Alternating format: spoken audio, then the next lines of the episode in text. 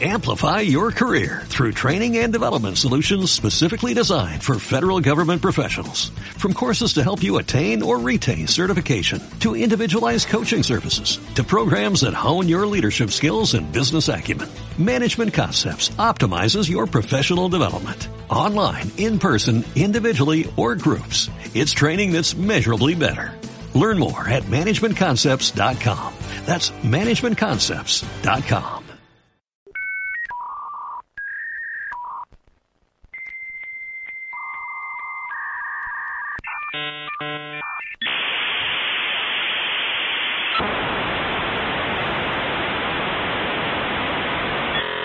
Radio Campus Cultura e presenta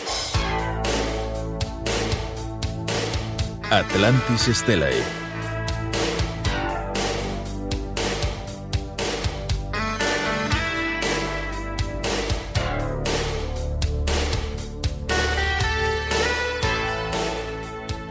Moi boas noites, ouvintes de Atlantis Estela e benvidos un sábado máis, unha madrugada de sábado domingo a este espacio de Radio Campus Cultura que pretende pasar pola historia, polo misterio, pola conspiración, pero sempre dándolle un toque ameno para que esta hora e media de radio ata unha e media da mañá se vos faga o máis, o máis entretida posible.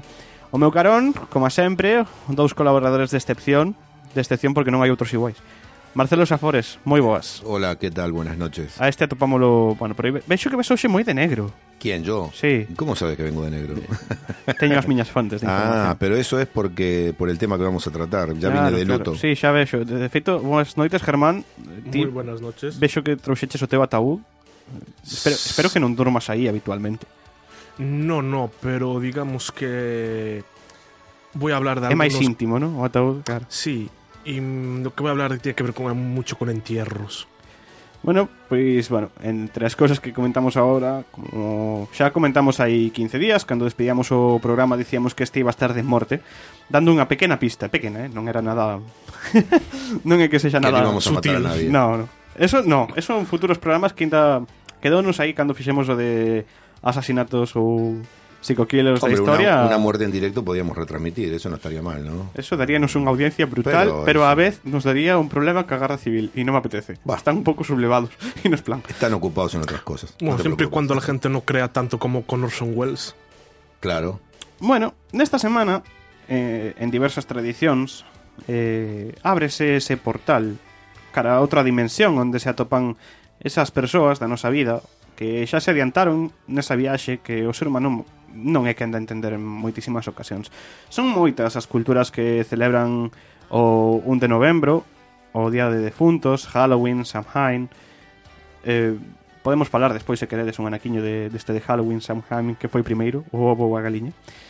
Pero, pero eso, queremos facer hoxe un repaso sobre como as distintas culturas eh, analizaron ou vivían a morte, vivían a morte, que palabras tan sí, que contradictorias, no, pero que é real.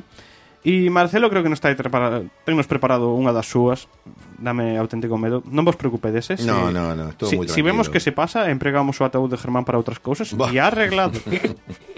En fin, que este fin de se- este fin de semana anterior a Halloween, a Samhain, a defuntos, pois nós que somos orixinais, decidimos que a morte era un tema ideal para tratar hoxe. E Germán ven como sempre preparado con multitude de información sobre distintas culturas, así que se queres, Germán, imos escomezando.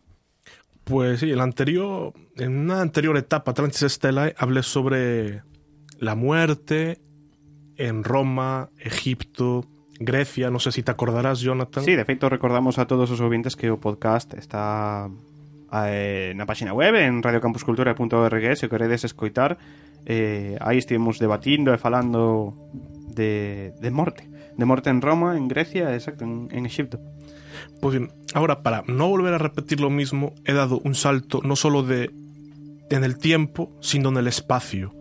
Nos vamos América, aztecas, incas y mayas. Claro, isto non ten nada que ver con que Marcelo este na mesa, verdad? No, no, no. No, no, no, no, no, no.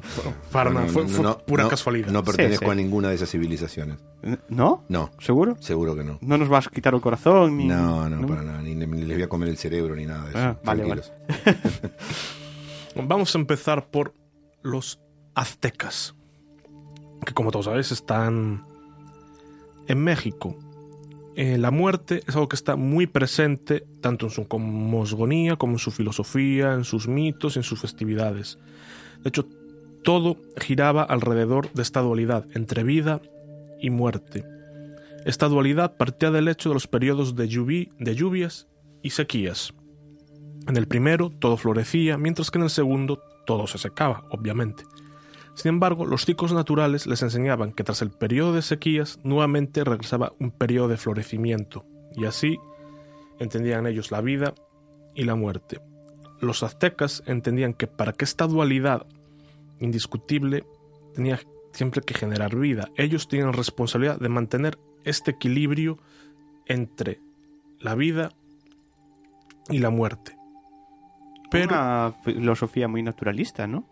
O sea, o que hoxe en día consideramos ecoloxía, de manter o ciclo vital e demais, eles xa iban un paso por diante. Hombre, siempre sigo que estaban adelantados, ¿no? Muchos aspectos. Pero realmente, ¿a dónde iban los muertos en esta cultura? Los hombres y las mujeres tenían destinados un lugar específico al momento de su fallecimiento. Por ejemplo, se tenía la creencia que los guerreros muertos en combate o en sacrificio eran elegidos para acompañar al sol desde su nacimiento por el oriente hasta el mediodía, y las mujeres muertas en parto, quienes eran consideradas como guerreras por la lucha que tuvieron que sostener al dar a luz, eran elegidas para acompañar al sol desde el mediodía hasta el atardecer.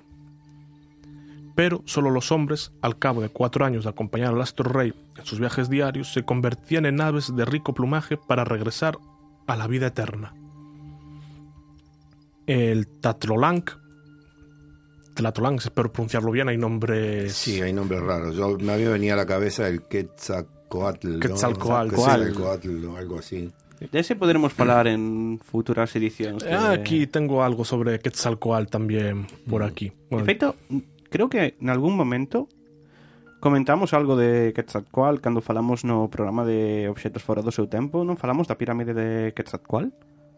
Sí, también en el, Hablamos uni- de algo, en el sí. universo, cuando habíamos hablado del universo y más, sí. Sí que es un tipo recurrente. Sí. Está en todas las salsas. Pues el Tlatolanc era otro lugar donde iban los muertos, pero aquí iban los que partieron de esta vida por diversas enfermedades, ya sea gota, sarna y Sí, tal, sí, por lo que fuera. por ahogamiento o por un rayo. Ah, mira tú. Se tenía la creencia de que este lugar era el lugar de las delicias, de veraneo, del verdor absoluto, en donde ya no hacía falta nada. En él residía el dios del agua y sus ayudantes. Y el tercer lugar donde se dirigían los muertos era el Mictlán, al que iban todas las personas que morían de muerte natural o de enfermedades no relacionadas con el agua. Joder, cómo separaban a la peña, ¿no? En el Mictlán residía una dualidad. A ver si me salen los nombrecitos. Mm, Sorte. Mictlanchihualt y Mictlantecchuchilt. Bueno, podía, Ah. ser, podía ter sido moito peor, eh? sí. Señor y señora del mundo de los muertos.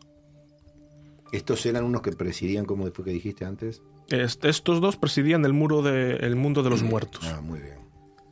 El Mictlán, Familiares indirectos de Ares. Sí, efectivamente. El Mictlán era conocido de esta forma dual y en- hay un relato, y de este se encargó en un relato que en el que aparece mencionado Quetzalcoatl, el siguiente que es del libro de Los antiguos mexicanos de Miguel León Portilla. Voy a, a mm, contar este Esta historia. rato.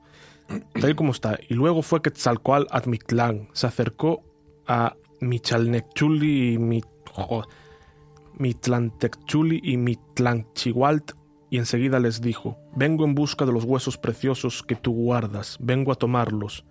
Y le dijo Mitlantelchuli, ¿qué harás con ellos, Quetzalcoatl? Y una vez más dijo, los dioses se preocupan porque alguien viva en la tierra.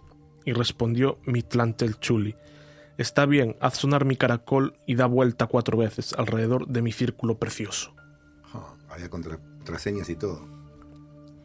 Hay que As hacer- cousas ou se fan ben ou non se fan. Sí, señor. Eh? Que quede claro. Luego también, como al igual que en Egipto, el gato estaba muy presente en la muerte, era un animal que se asociaba con la muerte, los aztecas también querían la, tenían la creencia que algunos animales eran representativos de la muerte, y el murciélago era uno de ellos. Hombre, claro. Siempre vive en cuevas, en lo oscuro y demás. Pero, de acuerdo a su mitología, también lagartijas o serpientes eran animales que asociaban con la muerte, según ya que, qué relatos.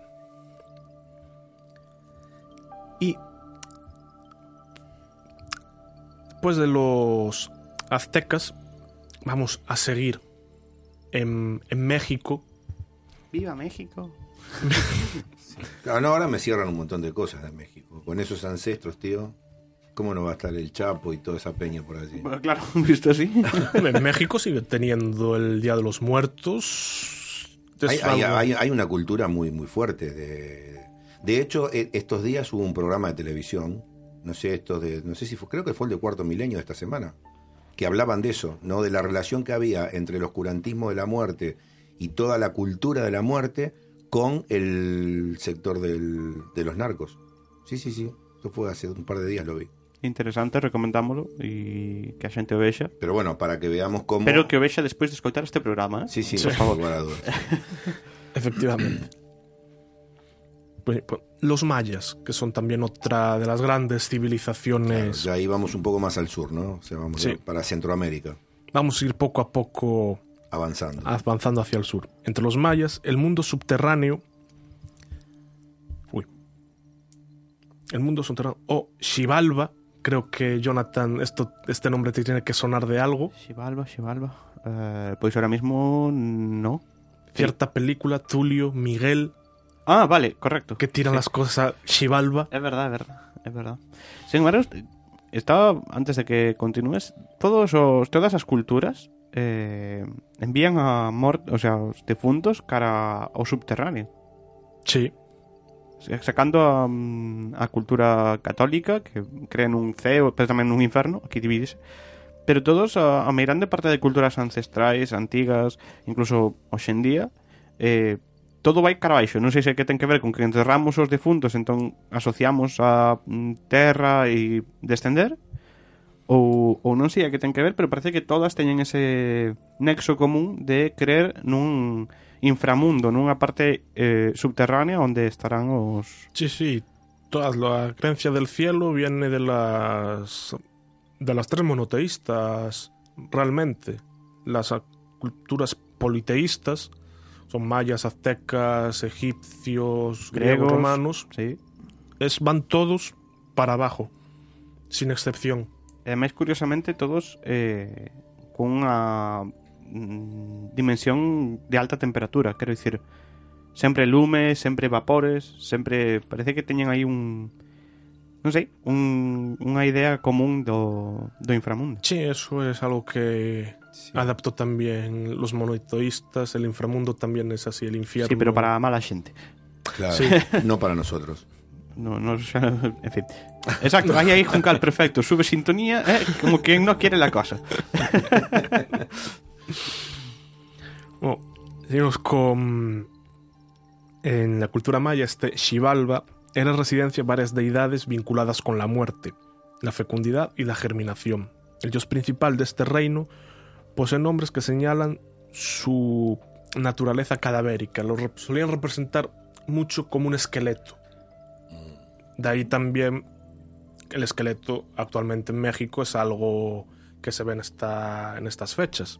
Sí, de feito eles eh, mm, fan eh, bueno, para eles o día de defuntos aquí ten un toque un pouco digamos tristeiro de lembranza, pero melancólica, digamos.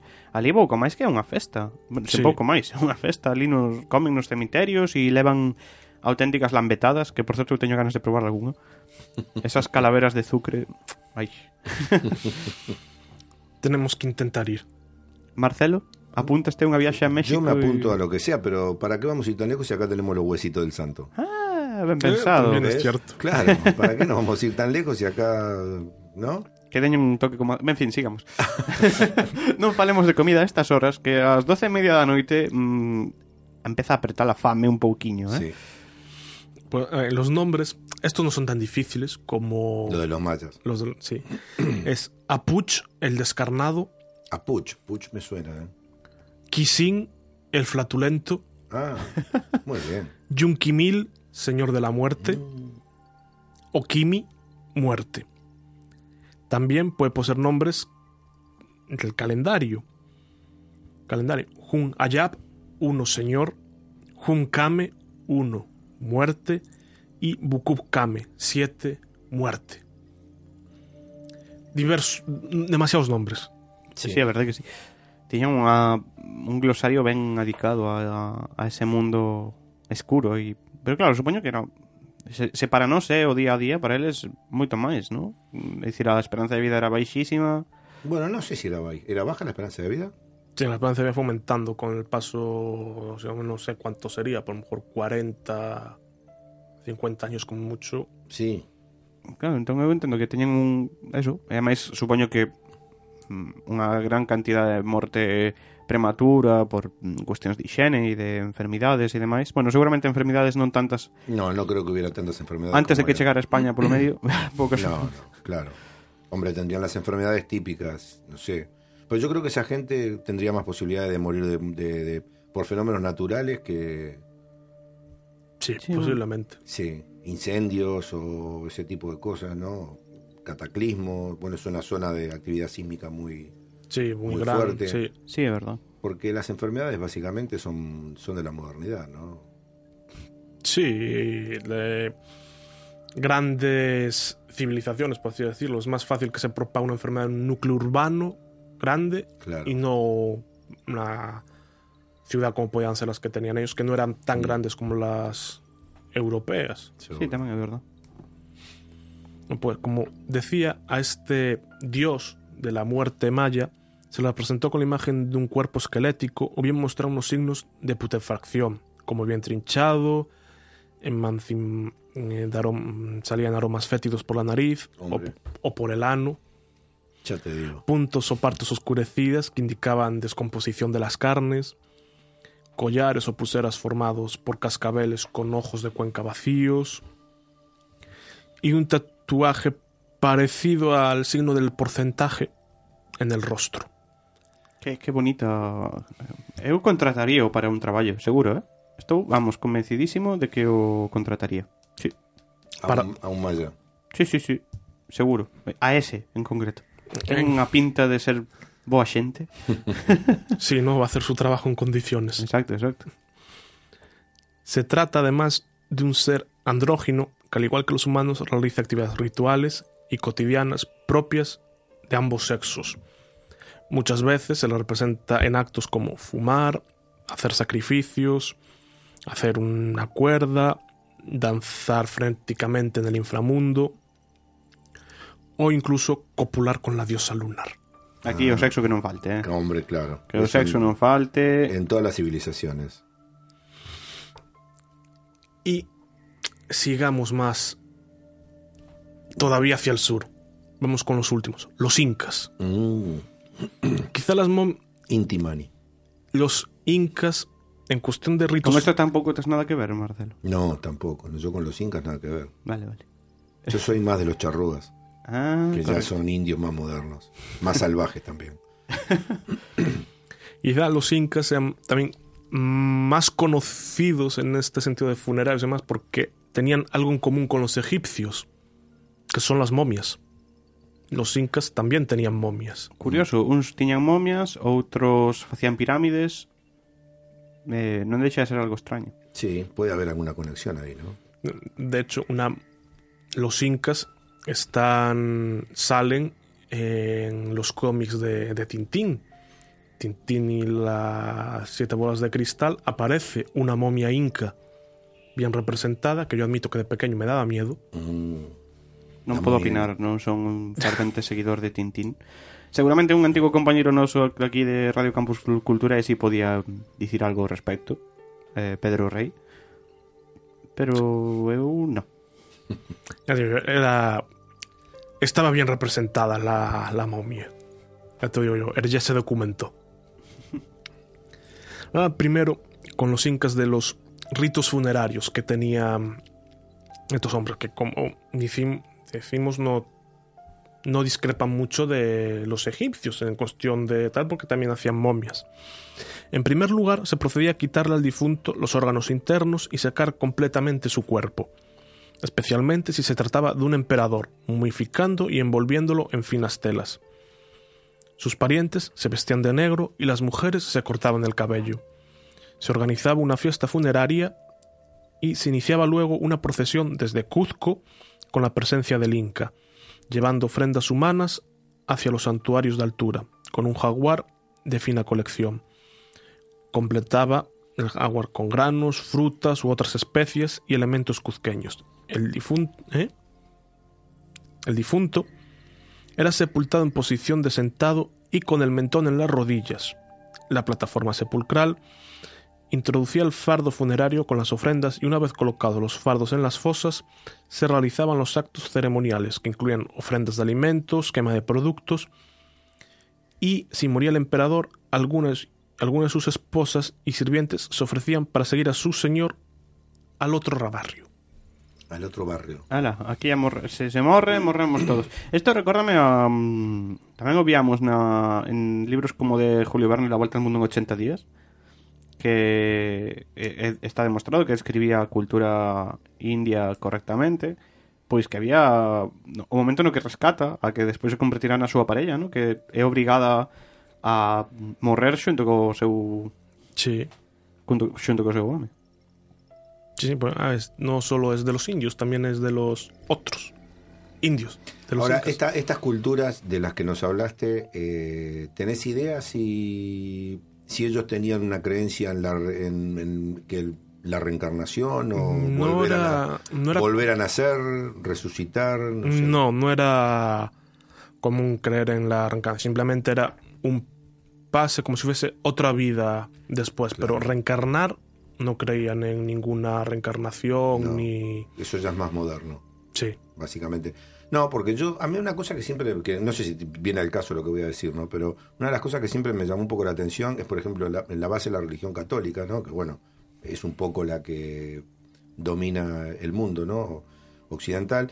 eh, que siempre se habla de eh, que en algún momento lo, Jesucristo dijo que los muertos iban a, resucitar, ¿no? Y Sí. eso a mí me da un poco de terror, porque ¿dónde vamos a meter toda esa gente?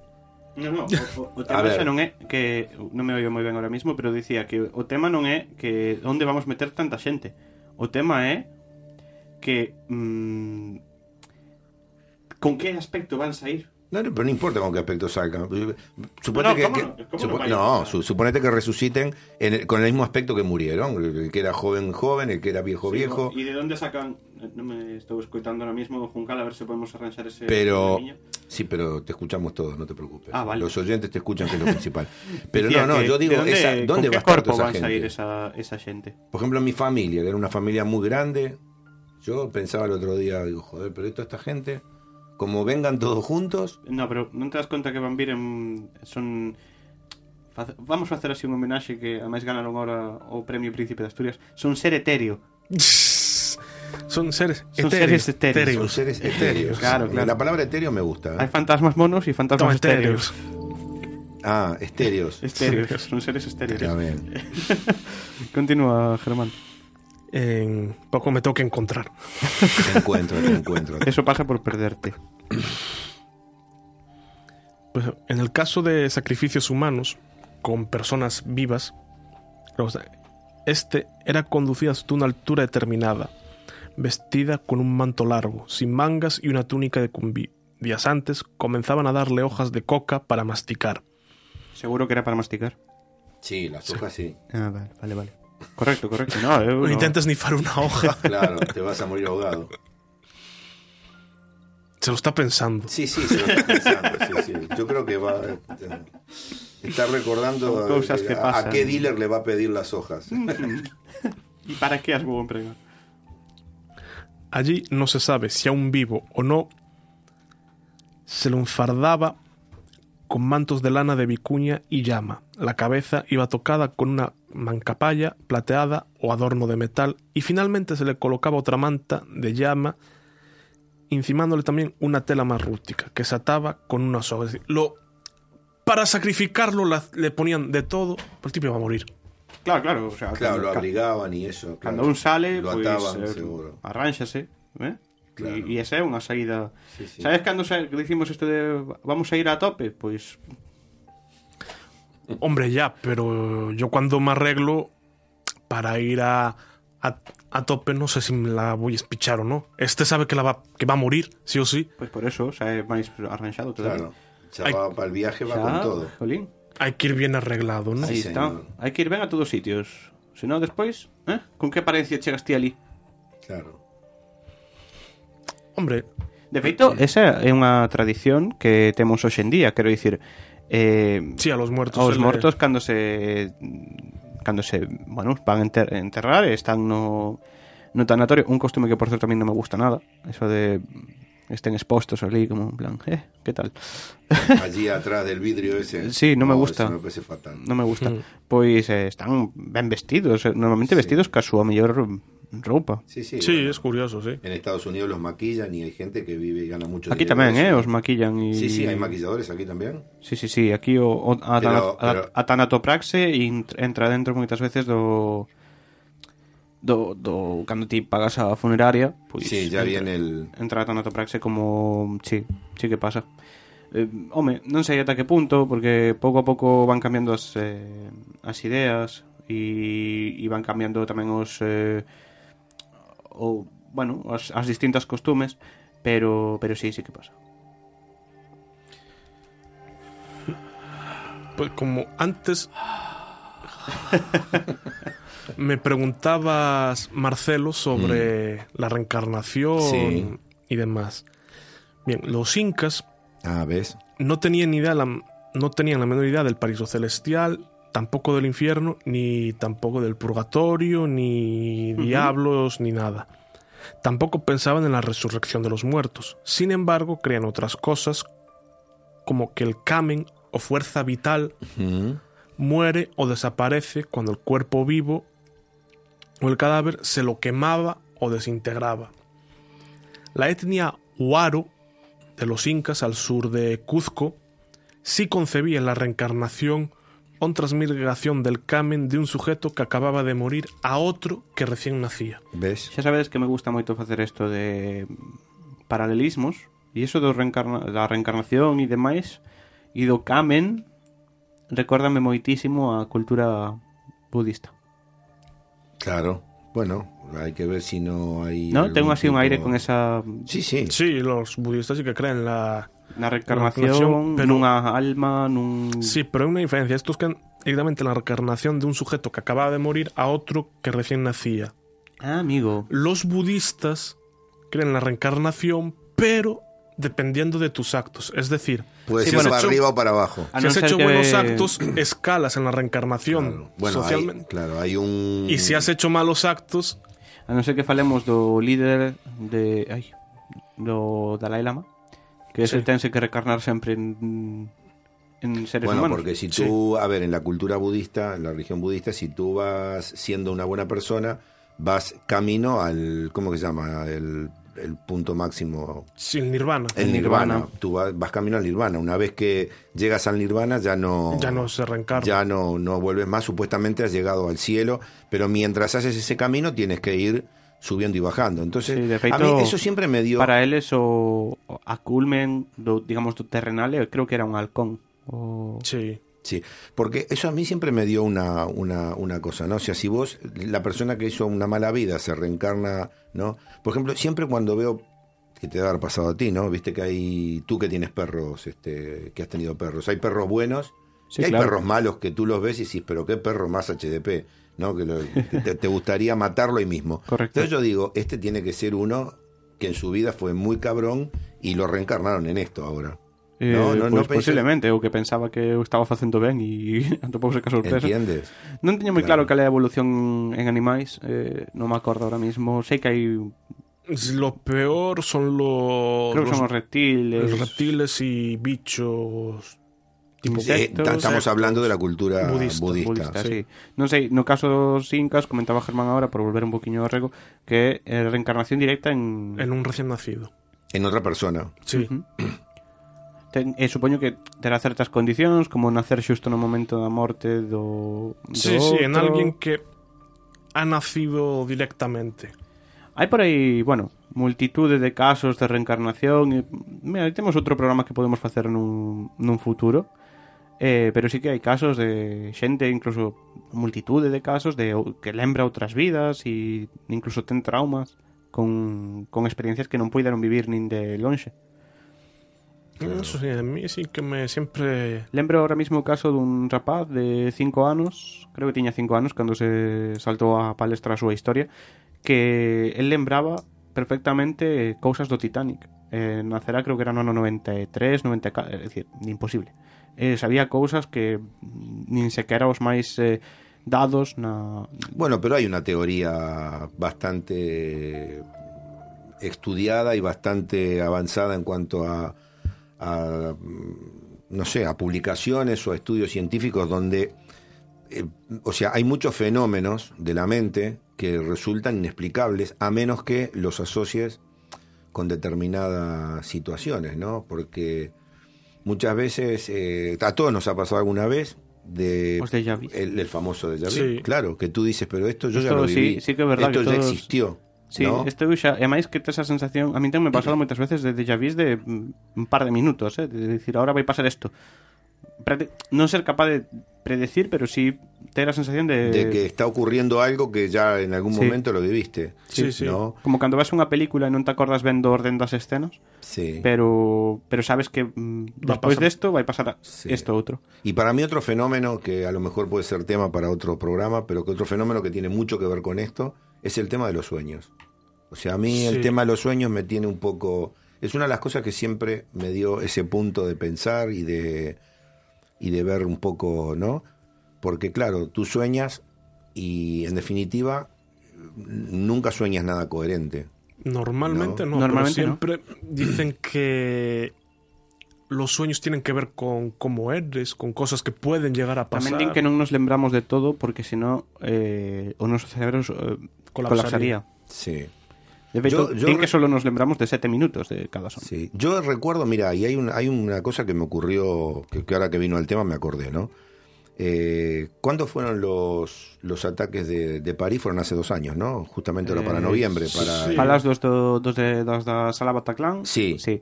Fueron hace- hace- sí, hace dos vamos a años. facer dous anos ahora. dos años, bueno. Eh, cuando fueron los atentados estos de... Non sei se aí na redacción nos poden dar un dato máis... Sí, no, fueron hace dos años. Sí, estamos en 2017, en 2015 fueron. Eh, cuando fueron los atentados de, de Bataclan, yo el fin de semana anterior yo estuve en París, que había ido a ver un espectáculo musical, ¿correcto? Y recuerdo, porque eso sí que fue una cosa que me dejó bastante choqueado, cuando yo llegué al aeropuerto y bajé del avión e iba caminando por una- un espacio que hay ahí para ir a coger el tren, para ir al centro de París, del avión, de otro avión, ¿no? Venía saliendo así, venían dos mujeres.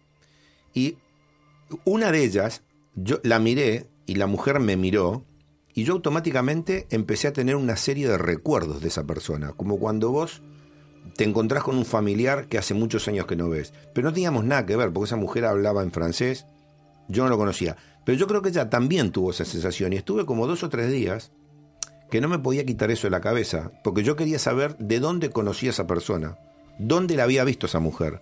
Y llegué a la conclusión de que yo a esa mujer no la conocía de ninguna parte.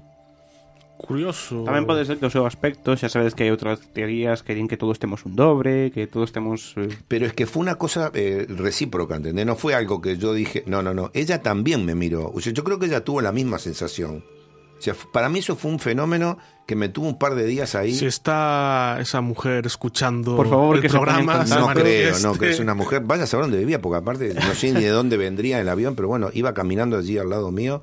Y por si acaso, miramos. xa sabedes, atlantis.estela.rcc.gmail.com Entonces, claro, cuando te pasan esas cosas, te planteas un montón de teorías y decís, bueno, joder, esto Sí, lo sí habrá- que é verdade que cando nos ocurren estas cousas é como que cantidade de feitos non chegamos a coñecer, ¿no? Que canta desta canto pensamos que sabemos e non temos nin idea de nada do que funciona dentro da nosa propia cabeza. Non sei se tes máis datos, Germán, sobre o tema dos eh, eh, incas. Mm, no.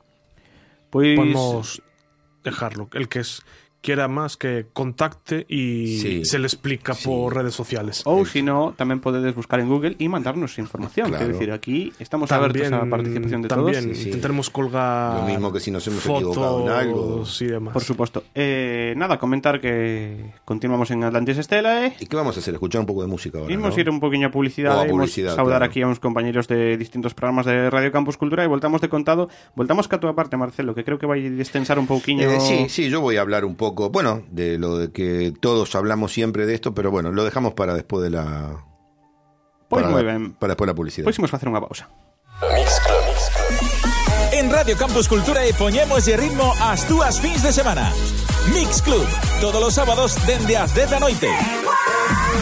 Mix Club, unha cita semanal ca música electrónica, dende o dance e EDM o tech house e minimal máis underground. Eres tú lo único que yo tengo. Músicas en pausa para que non pares de bailar ningún segundo. Mesturada por este que che fala, Tony España e tamén con DJs invitados. Mix Club, cada sábado a partir das 10 da noite en Radio Campus Culturae. Paixón pola música electrónica.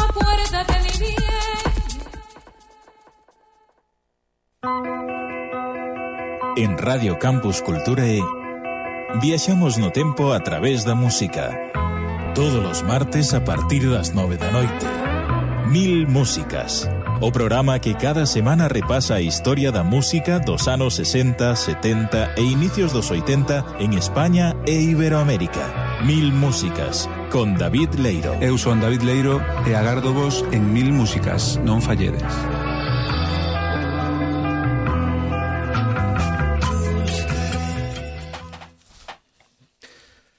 Estamos en el aire. Estamos en pillounos aí, estamos Sí, nos pilló comiendo, bebiendo. collendo aquí unhas eh, uns refrigerios, uns... Ves, sabía eu que con Marcelo non se iba olvidar, trouxo aquí uns osiños de santo, que ricos, bueno, eh? os osiños de santo, ojalá. Están... ojalá los osiños de santo, que pois, son moi caros. Son, son carísimos, sí, eh? Unha sí. pasada, un produto tan, bueno, supoño que son laboriosos tamén, eh? quero dicir. Bueno, a lo mejor si en vez de ser huesito de santo fueran de pagano serían más baratos, ¿no? Pode ser, que non sabe. Continuamos neste Atlantis Estela eh, en Radio Campus Cultura e eh, imos a sección de Marcelo, que mi- mira que nos trae. No, no, a ver, yo vengo, sabes que lo mío no es tan dramático, o sea, a mí me gusta tomar las cosas con cierto humor, que la muerte también tiene su, su punto de humor. Sin Pero an- duda. an- antes quería hacer un, quería hablar de algo que, bueno, que todos lo, la gente habla mucho y, y se lo toma coña, pero yo creo que todos están esperando para saber de comprobar si es cierto que es la famosa luz al final del camino, al final del túnel, ¿no? De feito, hai un, un par de libros. Eu recomendo personalmente un que ademais creo que se titula exactamente así, ECM. E, e todas teñen en, to, son experiencias cercanas á morte e todas falan dunha luz, dun, dun concepto de seres que falan de paz, falan de, sí. de tranquilidade, verdad? Eu, aí sí que hai tal cantidade de... Por esta, este efecto está me poñendo un pouco... Tenso. Estas voces así de fondo non, non, non estaremos indo ahora cara a luz Aí hai unha luz, eh No, pero esa es la luz del audio, Ah, de, vale, de que vale. estamos en el aire.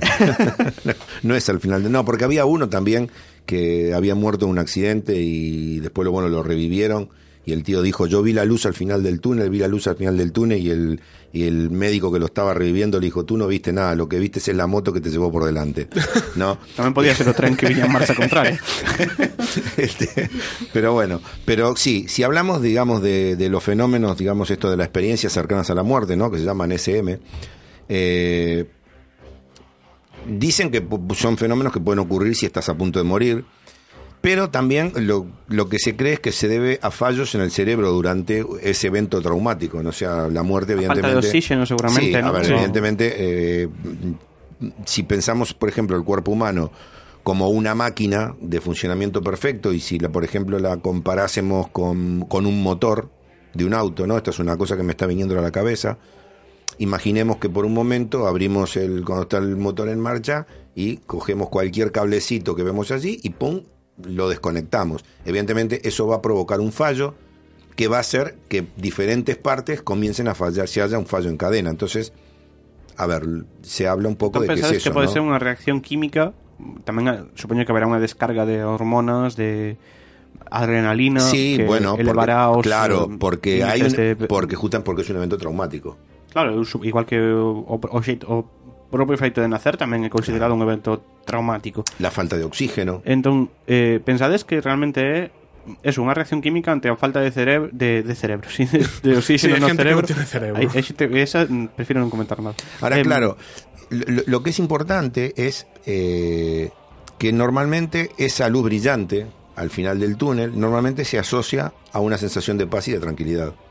Sí, eso é o que comentaba eu agora, no. no? que todos os casos que se publican, xente que comenta, xente que sufriu algún tipo de accidente, como comentaba Marcelo ou demais, sempre falan de tranquilidade, de benestar, de mm, eso típico de ben, non pasa nada, eh, sí. ou non veñas, non é o teu momento, pero sempre dende un punto de vista pacífico, tranquilo, mm, non hai, parece que non hai condena, polo menos, ¿no? Aparentemente no. Y después, bueno, ahí hay, bueno, hay numerosos estudios, ¿no? Hay una- un estudio que lo- un artículo publicado por en, en- en la revista Trends por Cognitive Science, donde los autores sugieren de que no existe nada paranormal en estas experiencias cercanas a la muerte, sino que se trata de cosas comunes que se producen, obviamente, como decíamos antes, al- al tener una experiencia traumática. Estas experiencias cercanas a la muerte son la manifestación de un cerebro normal que está fallando y en ocasiones es indoloro, porque básicamente eh,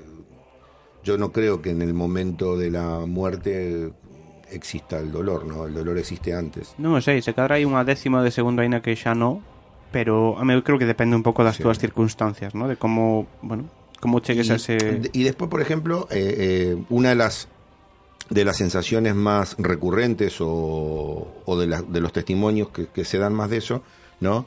O de las experiencias más comunes, es lo que se llama la conciencia de la propia muerte, ¿no? Es decir, esa esa sensación de que te, que te estás por morir, ¿no? Que eso es algo Eso que consideramos eh, cando din aquelas persoas que sufrieron algún tipo de problema grave de saúde, ese é o momento no que dis que pasa toda túa vida De un segundo. por diante dos Sí. teus ollos nun segundo, ¿no? Eso es cierto, eso es cierto. Y yo ahí, pues, ahí me, me hiciste acordar que yo tengo una experiencia también, oh, joder, parece que, que, que me las estoy Nos inventando. no, no, no. fichamos personaxes, pero No, ben no. fichados. Teñen experiencia en todo, saben ben do que falan. Si non, non estarían aquí en ver. Atlantis Estela. Yo- bueno, yo- está Germán, pero Yo, yo cuando yo tenía 19 años casi me muero ahogado. Eso es verdad, ¿eh? O sea, no, no, no estoy hablando, no estoy hablando de coña.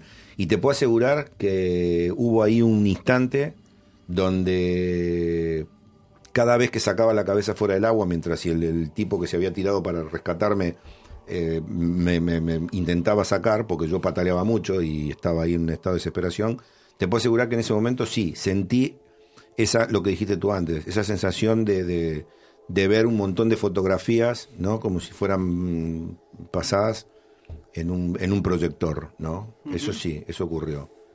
Pero, pero claro. Eso también puede ser reacción cerebral, ¿no? Sí, un sí, yo creo que pánico, sí. O la desesperación, claro, pero decir, es un momento de pánico. Al fin y al cabo, somos química, quero decir, o noso corpo está basicamente funciona por química. As nosas sensacións cerebrais tamén funcionan por química. Entón, eu creo que aí o que é tamén unha descarga de algún típico de algún tipo de, de química, non sei se eso adrenalina, serotonina. Claro. A tal nivel que o cerebro colapsa, é dicir, chega a un punto no que eso, como dicía o exemplo que dicía eh, Marcelo antes do motor, pois eh, bastante axeitado, non? Metemos demasiada gasolina e como que o cerebro dá problemas, falla e colapsa e produce un exceso de ou de información ou, ou busca darlle un, algún tipo de sensación que para non sexa habitual, que podamos recoñecer para, para facilitarnos esa, ese paso, ¿no? Non o Sí. sei. Eh, ellos asocian un poco, los científicos, a una, a una enfermedad. Bueno, hay una cosa que se llama el síndrome de Cotard, ¿no? Que es un, es un desorden psiquiátrico que se describió en el siglo XIX, por el cual los pacientes creen estar muertos, ya sea figurado literalmente, e incluso creen que sus cuerpos se están pudriendo y han perdido órganos vitales.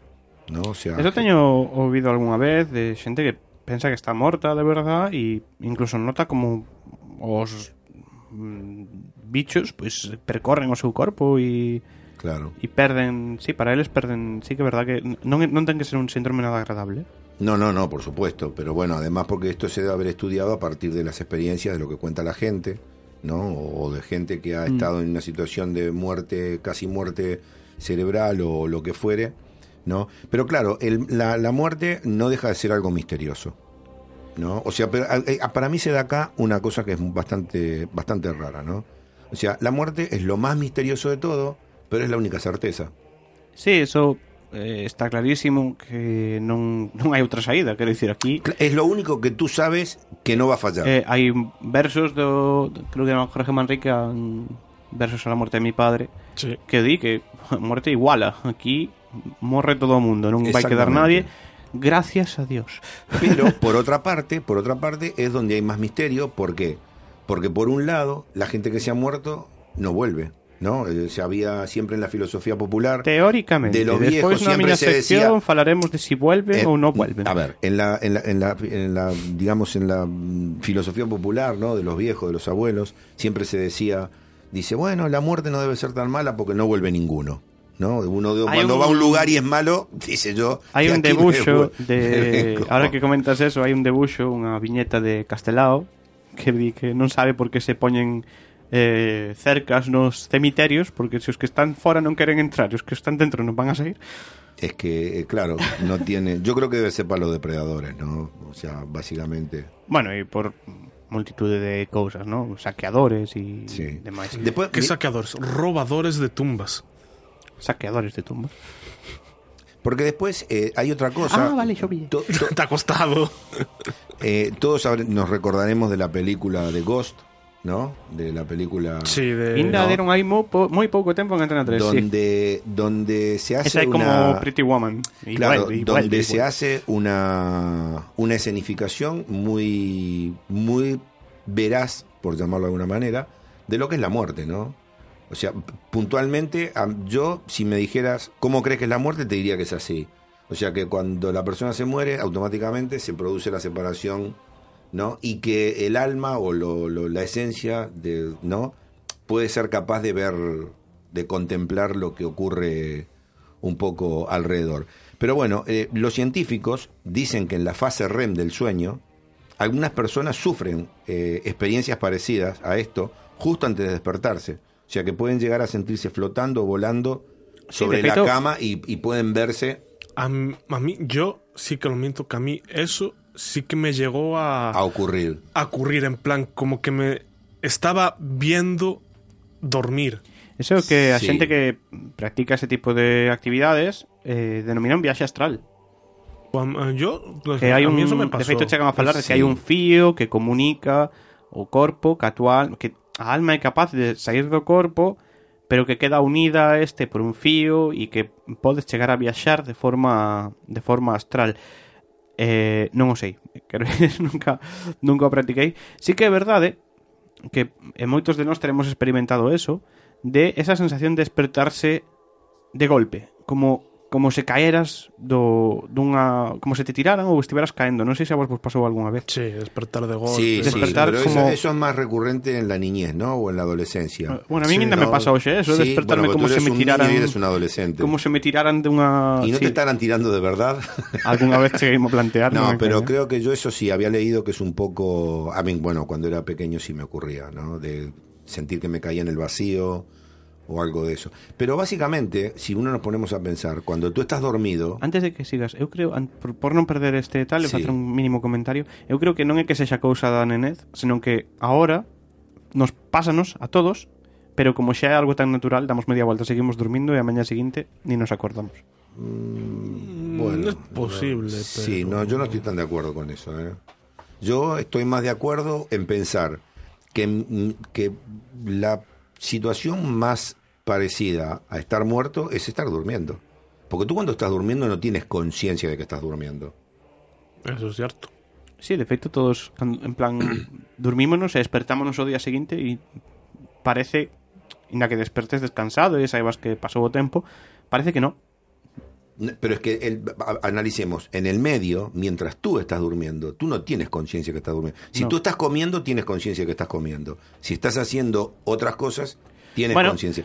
Ti nunca, eu si tive a sensación de estar soñando e de saber que estou nun soño. Ah, eso sí, eso, Eso sí. también. o sea, estar soñando una cosa chunga y no preocuparte porque decís, joder, estoy soñando. Sí, sí, eso a mí Eso se me sí, ha pasado, ¿eh? De sí. decir, ah, esto é un sueño, esto non pode ser real nin de broma. Casualmente, cando te das conta esto é un sueño, estás despertándote, pero por lo demás Sí. todo ben. Eh, lo Pero- típico es que estás en el sueño, la, la mejor parte y de repente suena el despertar y te quedas, "Mm, no, quiero seguir soñando, déjame. Sí, sí que é verdad.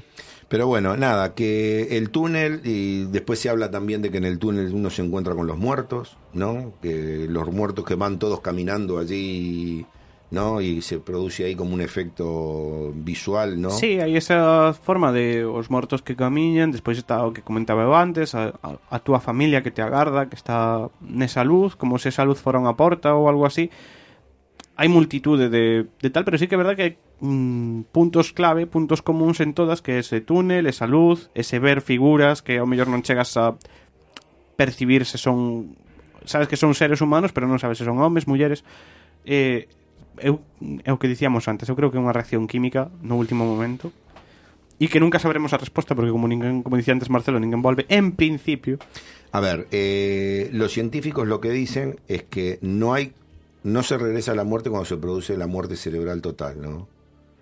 Es decir, cuando una persona está en coma, en realidad eh, todavía hay una actividad cerebral, a lo mejor de nivel muy bajo, ¿no? Que no es suficiente para recuperarlo, pero existe. Lo que dicen los científicos es que nadie regresa a la muerte si se ha habido una muerte cerebral completa. Entonces, claro, eh, la- la- estas experiencias cercanas a la muerte, según dicen también, bueno, los científicos, la gente que estudia esto, los psicólogos, en fin, ellos dicen que esto fascina a las personas porque dicen que de esta manera se sienten mejor con la idea de que se puede sobrevivir a la muerte del cuerpo. O sea, también puede ser un mecanismo de defensa. ¿no?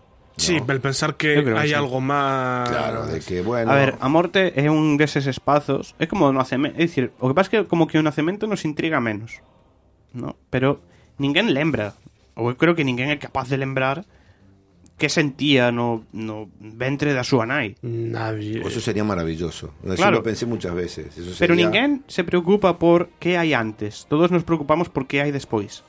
É dicir, é Eh, como por- se nas preguntas, sí. estas típicas preguntas do ser humano, isto de onde vimos, a onde vamos, non nos preocupamos tanto de onde vimos, sí, cara a onde vamos. E son dúas experiencias que non non ímos ser capaces de saber nunca. Claro, que pasa? Que a un neno, cando está mm, fecundado, cando está no, no útero da súa nai, somos quen de velo.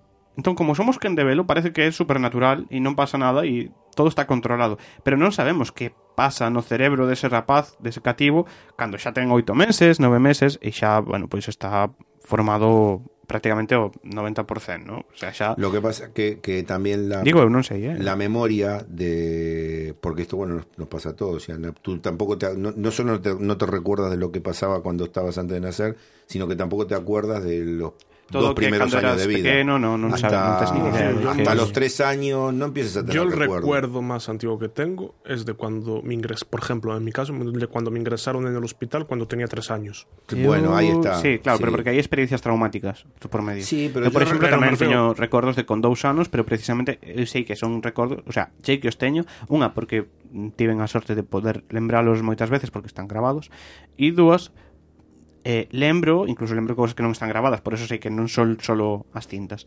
Lembro porque para no meu caso foi unha experiencia traumática. Entón, o meu cerebro deixou aí unha marca en plan, sí, pero... dende aquí arrancamos.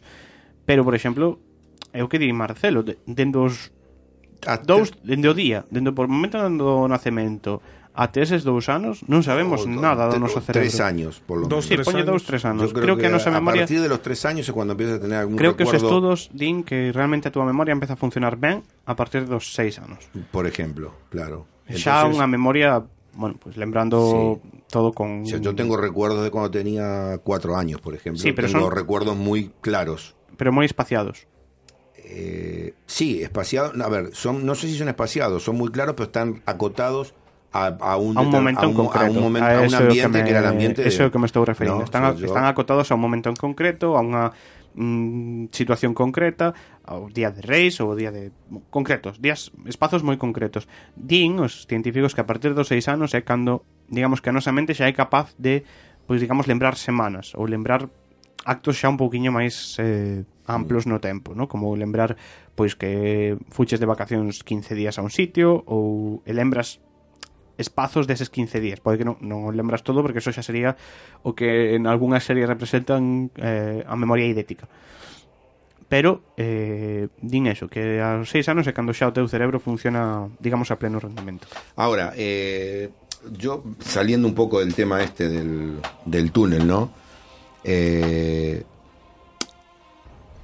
la muerte también condiciona muchas veces la, la vida de las personas, ¿no? O sea, en Sí, es determinado eh. momento de que el, de- es en el momento que aparezca, ¿no? Entonces, por ejemplo, yo estaba leyendo acá un artículo que era un poco, ¿no? De, de coña, ¿no? Que escribió un, un chaval que dice, cuando tenía 15 años murió mi padre y estuve seis semanas sin ir al colegio. Dice, el año pasado murió mi madre y me libré de ir al curro dos semanas. Dos semanas, vacaciones pagadas. Estas son las reflexiones que he recopilado después de un año. Entonces el tipo empieza a contar todo lo que, claro, lo que ocurre cuando te encuentras con una- la muerte en un momento de tu vida que no es, ¿no? Y claro, dice eso, pues, pues, dan situaciones que son bastante, bastante graciosas, ¿no? Como por ejemplo encontrarte con un montón de deudas o encontrarte con un montón de dinero, ¿no? Eh, Eso esperamos todos, eh? Ter algún parente lonxano que por sí, algún que motivo... nos deje que nos deje algo de pasta. Este, Entón, a, a, a duda que eu teño aí é é ético alegrarse da morte de alguén por eso? no sé, bueno, a ver, la muerte también siempre da un poco de da un poco de alegría cuando se muere alguien que queremos que se muera. ¿no? Porque todos en algún momento decimos, "Joder, ¿por qué no se morirá? Sí, ¿No? tamén é verdad. Este, al mismo tiempo que muchas veces agradecemos gente que no queremos que sufra, que se muera también. O sea que la muerte en definitiva es como te decía antes, es lo más misterioso de todo, pero es la única certeza. El único que sabemos que, que no va a fallar, ¿no? Esto, o, sea, Sí. todo, o sea, todo puede fallar en este mundo, en la vida, menos eso. Y sin embargo es de lo que sabemos menos, ¿no? Sí, ahí tienes razón. Sí, que verdad. y, y a lo mejor eh, estamos... Pero claro, pues está la otra cosa. ¿Qué ocurriría, cómo sería la vida si supiéramos eso? ¿no? O sea que hay algo que funciona para la perfección. No o sé, primeiro ¿qué que pasaría que perderían os, as Pero no, no solamente ningún tipo de no, sentido. pero olvídate las religiones. Pensá en, si tú supieras qué es lo que Ah, a va- nivel a nivel, bueno, non perderías sei. toda motivación de todo. Sí, ¿no? seguramente sí, porque total Sí. ao final vai ser o mismo. De hecho, hay muchas reflexiones continuas en películas y en, Claro. y en. De- se me vienen a la mente ahora mismo dos. Eh, No sé si visteis la película In Time, que mm, Sí. en un futuro, es un futuro así tal, Mm. En la moneda ya no existe y todo se cambia con tiempo de vida. La gente no envejece más de 25 años. Puedes tener 50 años y seguir aparentando 25. Eso mola. ¿Qué pasa? Los ricos pueden vivir eternamente. Claro. Y hay una persona rica que dice, "Tien- tengo 105 años, y le dice, estoy cansado, necesitamos morir. Y de hecho, el tipo se acaba suicidando, le da todo su tiempo Para poder, para poder morir. al protagonista para quedarse con 5 minutos y morirse, porque si se te agota el tiempo, te mueres de un infarto directamente. Mm. Y el otro ejemplo es hace poco el Ministerio del Tiempo, que apareció lo que dice el soldado español de 20 siglos, una persona que vivió desde la época de Viriato hasta el siglo XIX. Y, y lo dice, yo lo único que quiero es no vivir para siempre. Quería morir, el, el tipo ya estaba hasta las narices de estar en este mundo. Eu creo que se esta vida ten sentido precisamente porque ten final.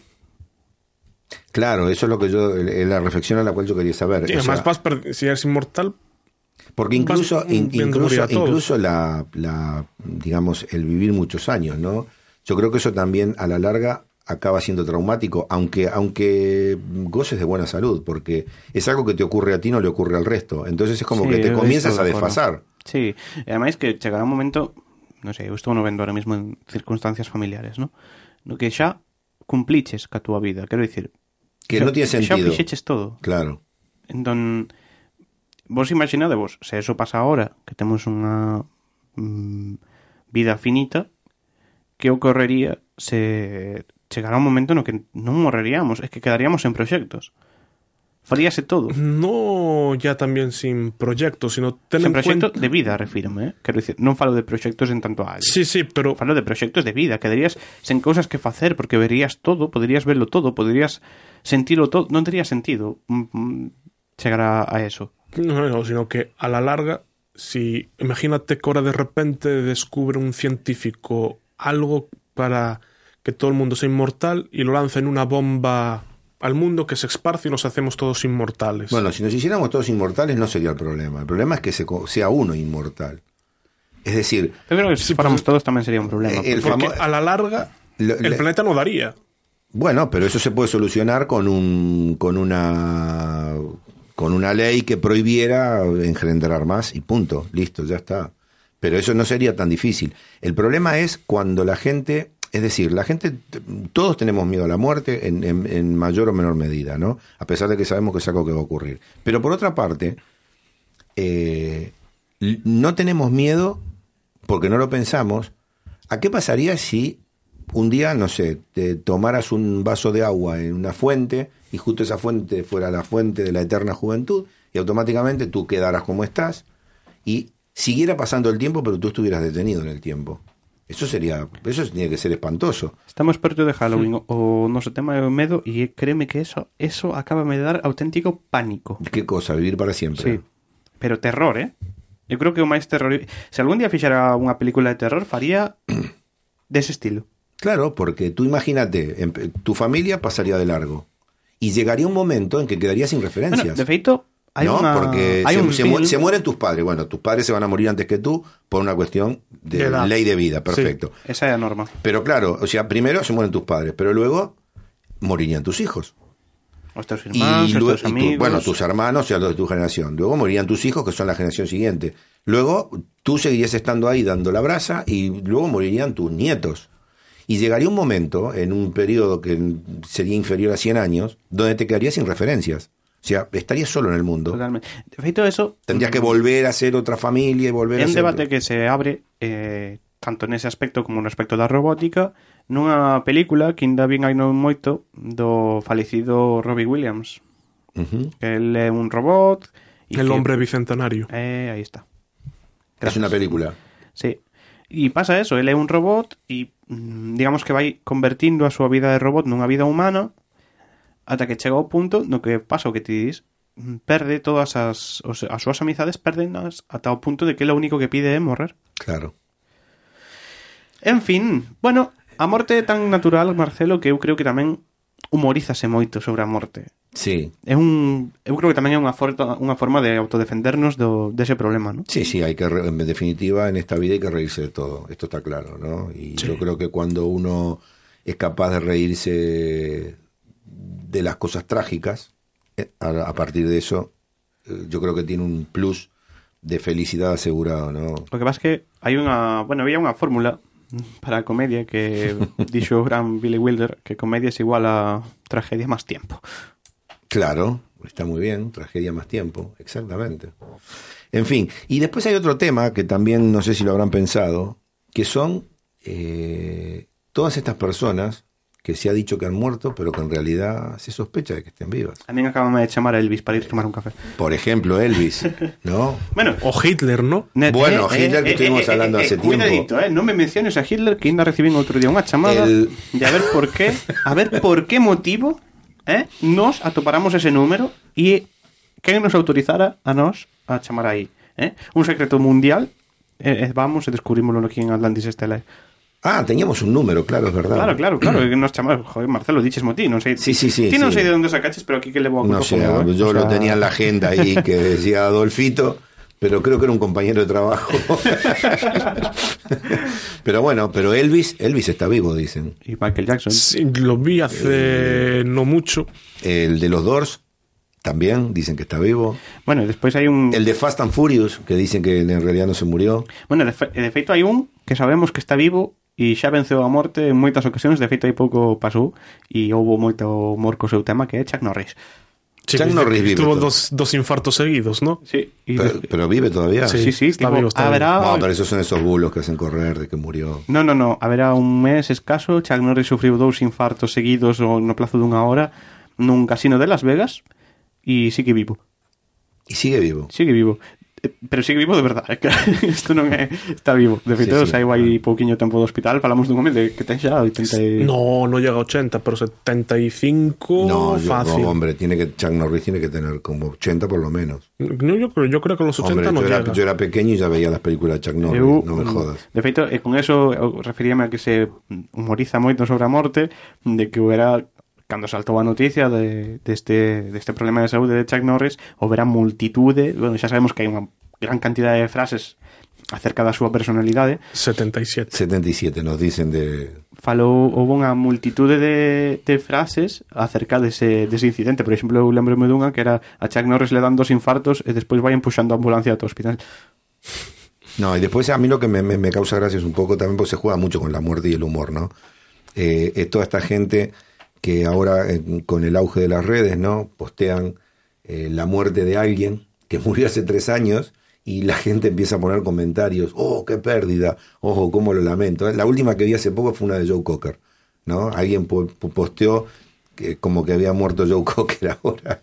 Y, y había un montón de gente retransmitiendo la noticia hasta que siempre hay alguno que dice, pero joder, pero que murió hace como tres años. es noticia nueva Claro. este, pero bueno, nada. ¿Y tú qué nos traes, Jonathan? Pois eu traio algo moi relacionado tamén ca morte, pero ímolo ver despois desta mínima pausa para saudar a outros compañeiros de radio. Muy bien. Pregunta. ¿Qué son as metrópoles delirantes? No sé absolutamente nada de eso. Resposta. A banda deseñada na radio. Mire, eso lo he leído en los últimos tiempos, porque lógicamente me he informado. O espazo cibercultural efervescente, comiqueiro, bombástico, fantabuloso, tolo, o máis yeye. Me gustan sus gentes, su carácter abierto, su laboriosidad. Son emprendedores, hacen cosas. Xa sabes, se si te interesa a banda deseñada, escoitas Metrópoles Delirantes, o programa máis pimba e delirante da radio. No parece un razonamiento moi brillante. Algún día nos reconocerán este trabajo. Nadie pudo haber hecho más. Es exactamente así. Nunca lo más. Lo cual, por otra parte, es lógico y punto. Metrópoles Delirantes. A banda deseñada na radio. Os mércores a 6 da tarde en Radio Campus Culturae. Hey, gustache a radio? Sabías que na USC hai unha radio aberta a participación de todo mundo?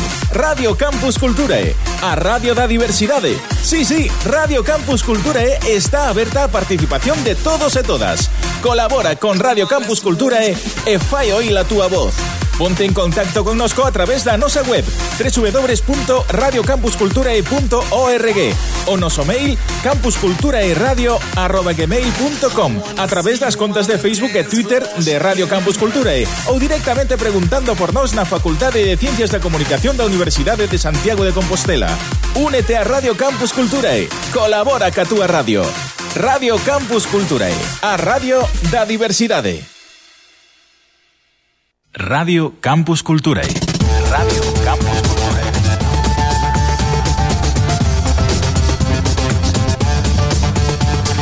Radio Campus Culturae.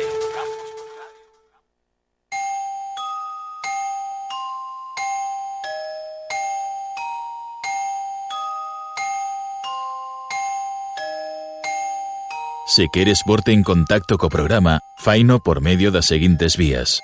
Correo electrónico atlantis.estelae.rcc.gmail.com ou búscanos tamén no Facebook Atlantis Estelae.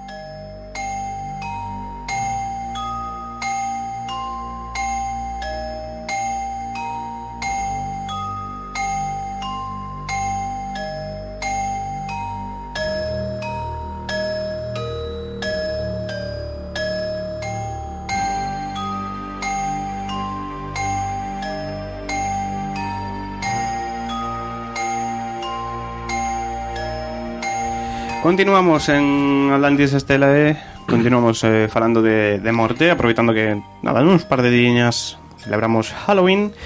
De, bueno, eu traio traio algo, eh, pero a vez vou improvisar un pouco. Por que? Porque me apetece. Eh, eh, eh, quero plantexarvos un, un tema. Está demostradísimo que o ser humano, o que falábamos antes, ten multitude de dúbidas acerca da, da morte, pero tamén ten un afán impresionante por contactar con ese outro lado, por tentar saber que hai outro lado da morte, xa non só no momento da morte, senón despois. Eh, para eso empregamos empregou o ser humano durante toda a súa existencia multitude de medios. Empezamos con mediums, eh, despois empregamos a Ouija. Primeira pregunta, rapaces. Germán, ti non vale. Porque ti eres capaz de humillarme ahora mismo. Por qué? ¿Algún de vos algunha vez xogou a Ouija? Sí. ¿Quién es Ouija? A, a, a, a Ouija é... Quién es ou que é? ¿O qué es? No sé. Que un tabuleiro de madeira sobre o que se coloca un unha moeda ou un vaso, mm, xógase en, en grupo e, bueno, xógase. Para mí non é un xogo, eh? Ah, el juego de la copa. Eh, Esa sí. que se ponía el dedito y Eh, se exacto. movía y iba. Sí, sí. Ese mismo. Sí, bueno. Algún de vos xogou algunha vez? Sí, o- hombre, claro. Sí. Pensades que realmente funciona ou algo polo estilo? Mm, no, yo, yo- creo que no. Yo creo que Yo, no. yo la vez que jugué fue extraña y cierta persona acabó yendo a la primera de cambio. Bueno, si son un pouco... En fin. Eh, eu sí que lle teño certo medo Non só Non a Ouija porque poida ser un portal Senón porque a, mm, Digamos que eu creo que un dos eh, factores máis importantes é a propia motivación. Quero dicir, o que ti penses que pode pasar e ata que punto che afecte. No, eh, hai multitudes de casos de problemas ca, ca Ouija, de xente que lle afectou moitísimo a hora de despois de xogar. Eh, aquí en España eh, o, o primeiro expediente X documentado eh, por xogar a Ouija, primeiro e único, me parece, eh, en Vallecas, é eh, un caso moi coñecido. Non sei se vos tenedes constancia del. No. Mm -mm.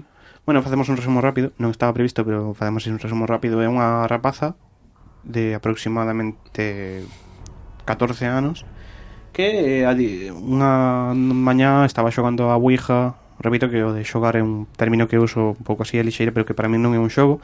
Estaba xogando a Ouija no instituto, nun instituto público en Vallecas, eh, cando atoparon cando os, digamos que a profesora pois deu con este grupo de rapaces e, e castigounos, non? No momento no que pasou eso, segundo contan, o vaso rompeu, del saleu fume que se foi directamente ao rostro de desta rapaza e, bueno, a raíz deso es comezaron a pasar cousas moi raras, documentadas de feito por mm, Policía Nacional, eh, no que é coñecido eso como o caso o primeiro caso X en, en España eu recomendo a todos os que estedes interesados por este mundo que o busquedes en, en Google.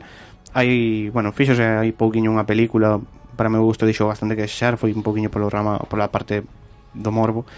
Pero pero sí que eso sobre todo a min o que me impactou foi ler o, o expediente policial. Porque cando hai policía de por medio mm, esta xente non bromea. Quer dicir, non está aí para seguir o xogo dunha familia e menos para pasarlo a unha denuncia. Claro. Bueno, a Ouija é un do, unha das formas Despois, eh, a posteriori mm, Apareceron o mundo das, das psicofonías mm, Distintas teorías hai acerca do, do mundo das psicofonías sí, psicofonías. Ves, Marcelo, como Germán é así un home Pouco aberto No le gustan estas cosas.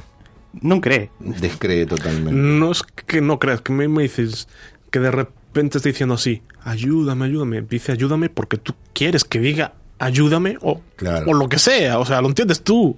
Sí. Bueno, eu teño algunha psicofonía grabada, tamén teño a miña teoría, eh, sobre o tema das psicofonías. Eu penso que ao falar emitimos ondas, esas ondas quedan no éter, porque así como quedan ah, as ondas. hablamos de, una vez de eso. De radio, sí. Eh, non sei se no programa ou No, hablamos ou en fora, el auto. Ou fora, exacto. Mm. Eh, bueno, pues esas ondas quedan no éter e quedan frotando ata que un micrófono que ten unha sensibilidade moito máis alta que o noso oído e despois con eses sistemas de amplificación Pois somos capaces de, de escoitalas Bueno, por que falo de deste tema de Sí, Ouija, de a ver, psicofonía? explícanos. Porque non solo de Ouija e psicofonía vive a transcomunicación. Nos anos 80, eh, un enxeñeiro eh, axudado por unha asociación de investigación paranormal de Estados Unidos eh, creou un aparato que se chama, chama o Spiricom O espiricón é como unha especie de emisora, receptora de, de ondas, e supostamente con este aparello eh, podemos contactar con co outro lado.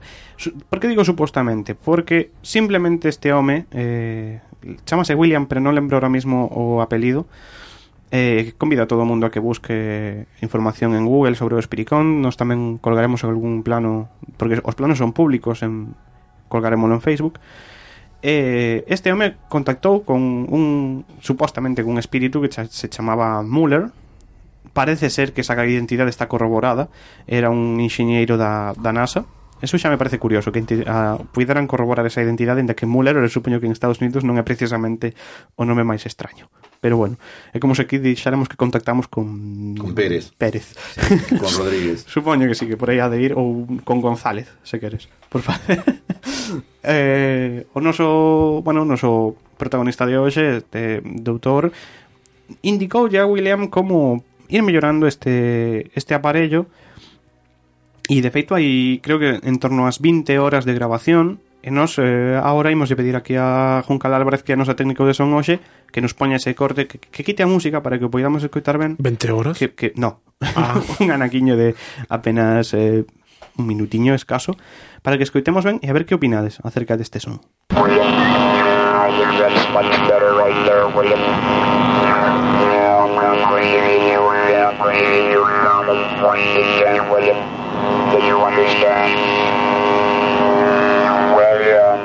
Yes, sir. I understood, Doctor. Very well. One to ten. One, two, three, four, five,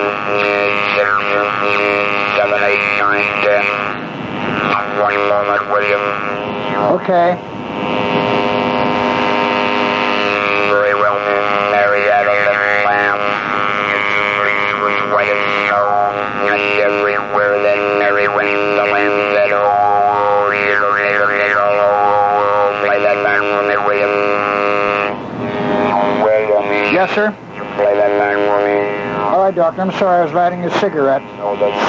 Again. Non sei que Mm, vos parece a ver. Eu aí oio porque esa voz eh, metal Obviamente a voz metálica eu para ello antes de... Lo último que le pide es un cigarrillo. Sí, ¿verdad? Sí, dice cigarette. Ok. Sí, pero ahí la- yo entiendo que hay do- las voces que más se entienden son los tipos mientras están grabando, ¿no? Só hai un tipo un, teóricamente humano falando e a outra voz que se oe Por eso. é o do ese que eu de feito hai un momento no que tamén oio que conta, fai unha conta de 1 2 3 4 5 6 7 8 9. A mí me parece que es una comunicación con interferencias entre una patrulla de caminos y la central de, del sheriff. Podería, verdad? Sí, Ten así un sí. aire. Eu, claro, Eh, vos non o, non o coñecedes, pero hai un aparello que se chama Braille and Speak, que se, é un anotador para persoas con deficiencia visual e ten unha voz super parecida a isto. Super, super parecida. Claro, non vale, non podo dicir que sexa, porque ese aparello inventouse nos anos 90, e estamos falando do ano 83. Pero ese sintetizador que usan, ese sintetizador de voz que usa o Braille and Speak, parecese moitísimo a esta voz en, en inglés. Eu xa vos digo, eu sí que oio en algún momento eso, mm, conversa, eh, hai un momento no que di just very well, pero eu non, non sei se chegar a creer que pode ser unha, unha forma de comunicación co outro lado. Teño serias dúbidas ao respecto, parece- sobre todo porque nunca se volveu conseguir. No momento no que faleceu este home, este William, nunca volveu a funcionar o Spiricom. Que realmente escuchar se le escucha. Yo creo que al, al William es el que mejor se lo escucha diciendo esos. Cigarette, ok. tal, se le entiende bien hablando. Lo otro. Lo otro es una Porque especie de- Es como un rap ahí medio, Sí. medio mal Incluso apañado. al principio parece como si fuese música así reggae, Sí, sí. lenta. Sí, es sí, algo sí, así. Eh, vos digo, hai multitude de formas de contacto. Yo creo que la, la respuesta eh, la podríamos tener así hipotéticamente en algún momento si pudiéramos tomar contacto con alguna civilización extraterrestre. Yo creo que sí, yo creo que alguien, una civilización que tomara contacto con nosotros, porque nosotros no podemos tomar contacto con nadie porque no hemos salido de- del jardín ni siquiera todavía, ¿no? Pero pongámosle que en algún momento apareciera otra civilización y tomara contacto con nosotros, esa gente tendría muchas respuestas. Lo que hay que ver es si estamos preparados para saber la verdad, ¿no? Yo recuerdo una película del planeta de los simios que el mono sabio le dice a, a, Charlton Heston cuando se va, le dice no vayas por ahí porque puede que no te guste lo que, lo que veas. ¿no? Y el tipo sigue avanzando y efectivamente se encuentra con la Estatua de la Libertad tapada por arena. Entonces ahí el tipo se da cuenta de que estaba en la Tierra, que habían pasado un montón de años y que la Tierra se había destruido, la civilización de los humanos. Y esto es lo mismo, ¿no? O sea, queremos averiguar mucho la muerte, pero si en algún momento te, te dieran el sobre y te dijeran, acá está la respuesta, ¿lo abrirías? Es una... Eh, cuidado, ¿eh? Podemos plantear esta pregunta en Twitter? ¿Lo abrirías? Ouvintes da Radio Campus Cultural. hashtag Atlantis Stella, hashtag abriría o hashtag pecharía o sobre. No, no, claro, porque ahí te dijeran, mira, ahí está la respuesta. Tú quieres saber qué hay después de la muerte, ahí lo tienes. A ver. Se nos din, claro, aí hai un xogo psicolóxico, porque se che dan un sobre che din, aí está a resposta, non a abras, bueno, abriríela automáticamente. De hecho, recomiendo a todos los oyentes de Radio Campus Cultura una película que se va a estrenar ahora, no me acuerdo el nombre, y me da mucha rabia, que es unos estudiantes de medicina con un aparato a escondidas de profesores Hombre, claro. y demás, experimentan con eso de qué hay más allá, como que se mueren durante unos instantes para ver para ver qué hay más allá y luego, claro, como son un grupo, son cinco o seis personas, inmediatamente, cuando pasan unos minutos, los resucitan. ¿Qué pasa? Enganchados a la muerte, creo que se llama la película. Mm. Cada vez el tiempo en que los dejan muertos, entre comillas, va, va va aumentando para tener más información. para tener más información. ¿Qué pasa? Que bueno, luego pone que liberan algo, eh, Claro. investigando y demás, pero es, esa experiencia que experimentan cada vez más tiempo estando muertos para... Claro. Una, una cosa que, por ejemplo, podría funcionar muy bien sería si hubiera algún aparato que fuera capaz de leer, no como un electroencefalograma, pero de leer en forma real, de generar imágenes, por ejemplo, de la actividad cerebral en ese momento después que una persona se muere. Eso sí estaría muy bien, ¿no? O sea, que, que- que recibiera esas ondas, que las pudiera convertir en imágenes, o en sonidos, o en algo más. E agora que estamos chegando xa ao final do programa, quedan apenas cinco minutiños, eu quero preguntarvos vos se vos garantizaran que que estes aparellos dos que estábamos falando ahora ao final, Mm. o Spiricom ou, bueno, hai outra gran cantidade de de, fe, de aparatos ou formas de comunicación che vos garantizarían que, que funcionan? Hmm. Eh, Dimbos, efectivamente funcionan, pero non sabemos se contactamos co outro lado ou con outra dimensión de outros seres que non sabemos as súas intencións.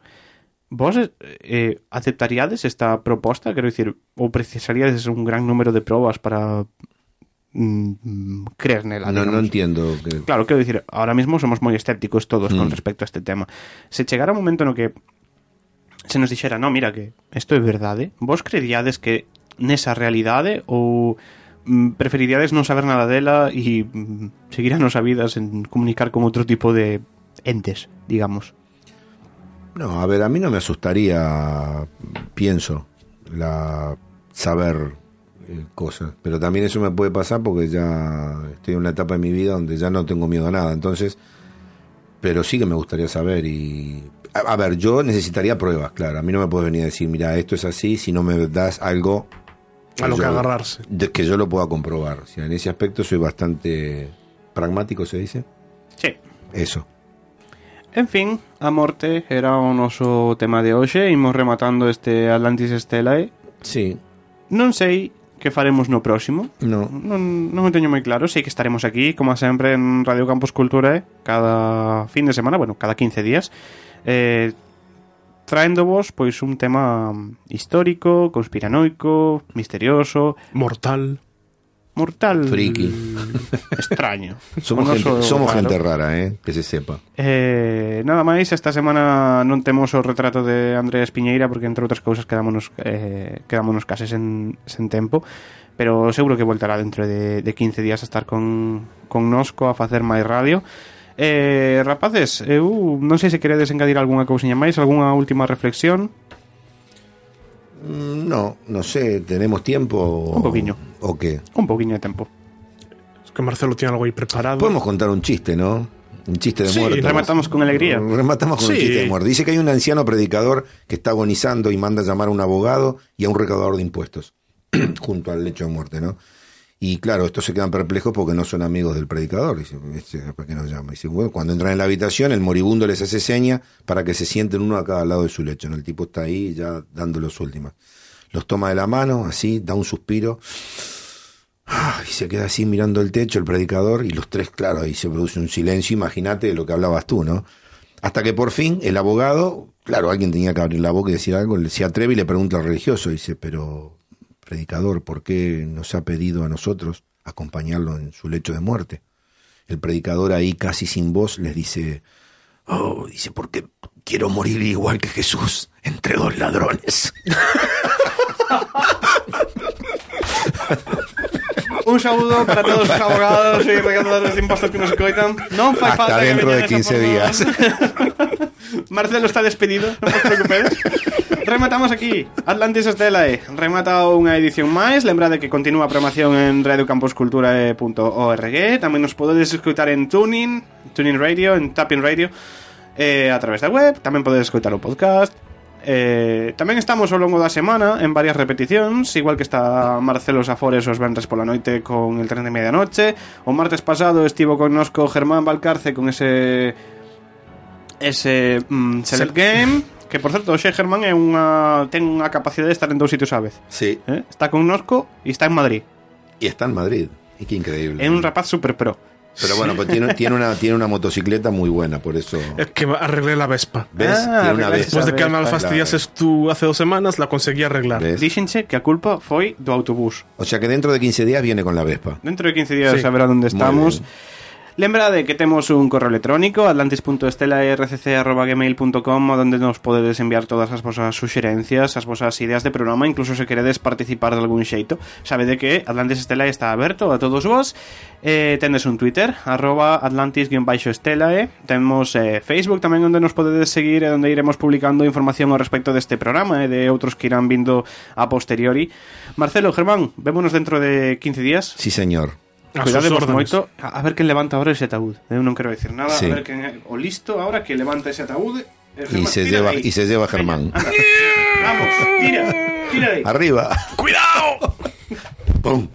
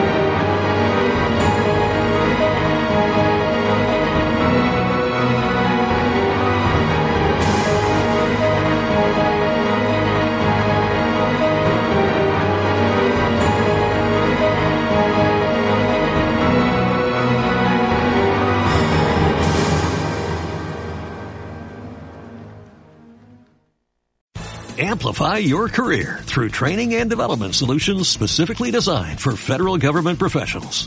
From courses to help you attain or retain certification, to individualized coaching services, to programs that hone your leadership skills and business acumen, Management Concepts optimizes your professional development. Online, in person, individually, or groups, it's training that's measurably better. Learn more at managementconcepts.com. That's managementconcepts.com.